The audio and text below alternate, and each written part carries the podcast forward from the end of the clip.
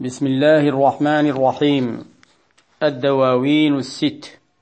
لفضيلة مولانا وشيخنا شيخ الإسلام الشيخ إبراهيم بن الحاج عبد الله الكولخي رضي الله عنه.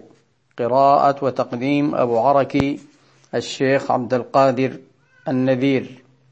التسجيل رقم ستة وأربعين.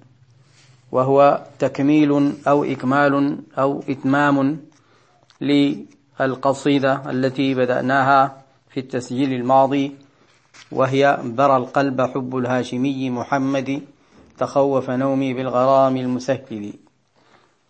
قال رضي الله عنه قضى لي قاضي الحب وهو مبرز بأني المجلي في محبة أحمد لذلك أقضي في الوجود بأسره. قضاء ذوي الأملاك غير مفند. فللت شبات المعتدين وطالما أحدد أذهانا لإدراك مقصدي.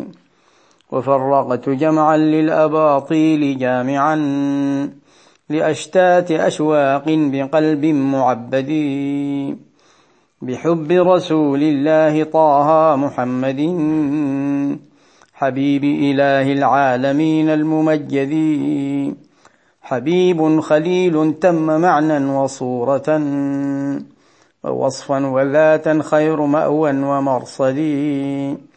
تكامل فيه الحسن غيبا ومشهدا فليس كطه المصطفى عند مشهدي. وأثنى عليه ربنا بكلامه. فأعيا بليغ دونه يد مسندي. ويكفيه مدحا ذاته وصفاته. محمد فعل الحمد من حمد أحمد عليه وآل الصدق أعلى صلاته. كذا من براه الشوق نحو محمد.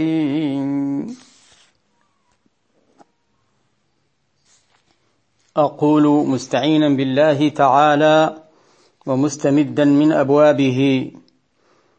قال الشيخ رضي الله عنه قضى لي قاضي الحب وهو مبرز بأني المجلي في محبة أحمد.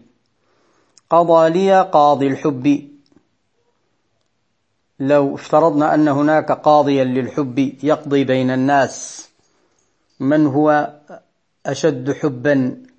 للنبي صلى الله عليه وعلى آله وصحبه وسلم لقضى هذا القاضي المبرز وهو المتفوق بأني المجلي أي السابق المتقدم في محبة أحمد صلى الله عليه وعلى آله وصحبه وسلم. أو قضى لي قاضي الحب وهو المولى عز وجل بأن جعلني أبرز الناس وأسبقهم في محبة النبي صلى الله عليه وعلى آله وصحبه وسلم.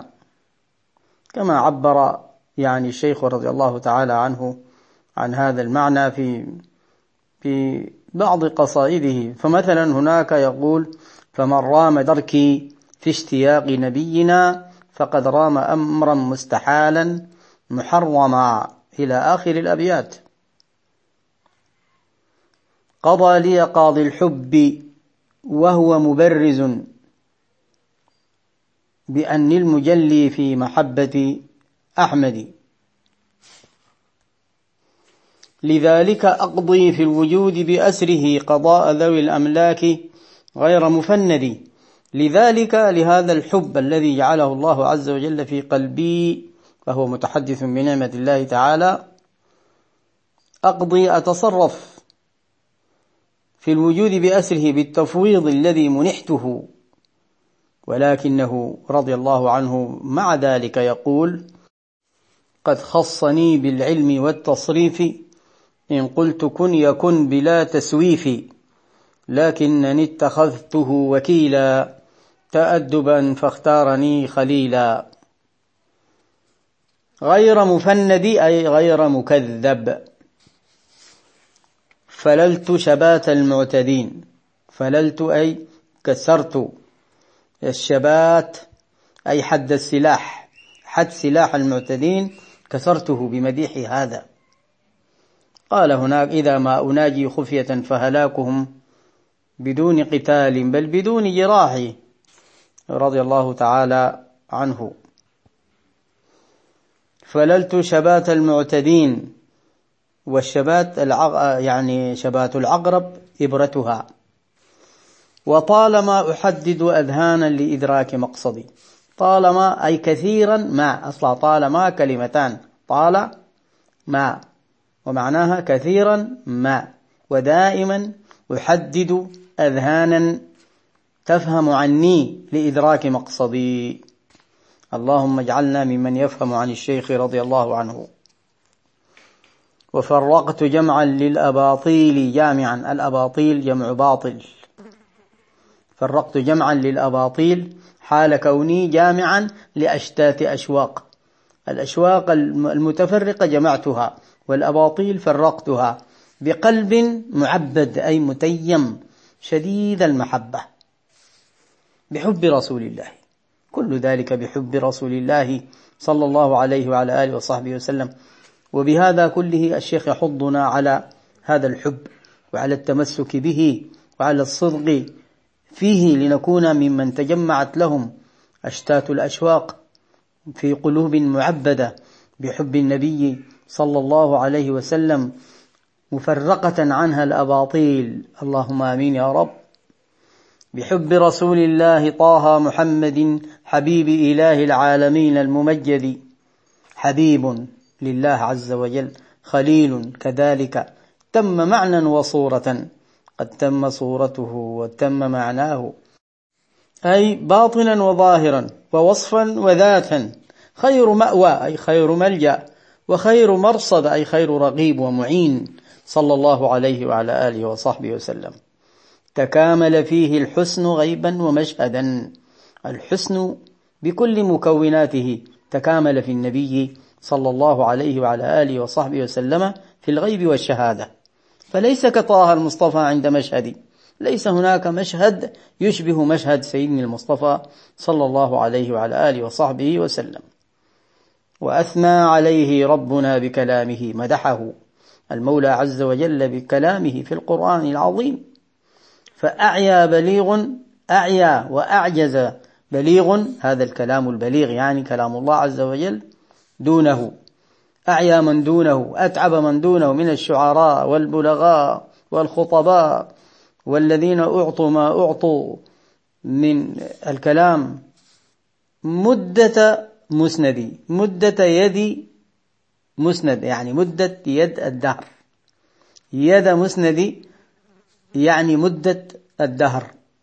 طول الزمن لا يأتي أحد بكلام ولو أثنى ما أثنى وقال ما قال فإنه عاجز. حيال أو مقابل ثناء المولى عز وجل على نبيه صلى الله عليه وعلى آله وصحبه وسلم. ويكفيه مدحا ذاته وصفاته وذاته نفسه مدح وصفاته أيضا مديح. اسمه مديح وأسماؤه مديح. محمد مديح هذا مدح الاسم نفسه. محمد ومحمود. محمد محمود محمد حامد. محمد فعل الحمد حمد يحمد فهو حامد. ومحمود ومحمد والحمد لله تملأ الميزان.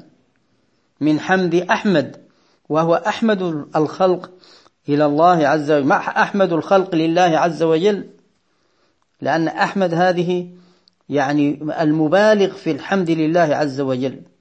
وأفضل الحامدين لله عز وجل. عليه وآل الصدق عليه وآله الصادقين أعلى صلاته. كذا الصلاة والسلام على من براه الشوق نحو محمد. أي أضعف جسمه براه. أنت تقول برى القلم. كذلك الجسم يبرى ويضعف أو يضعف من شدة الشوق له. صلى الله عليه وعلى آله وصحبه وسلم. والله أعلم ونواصل إن شاء الله تعالى.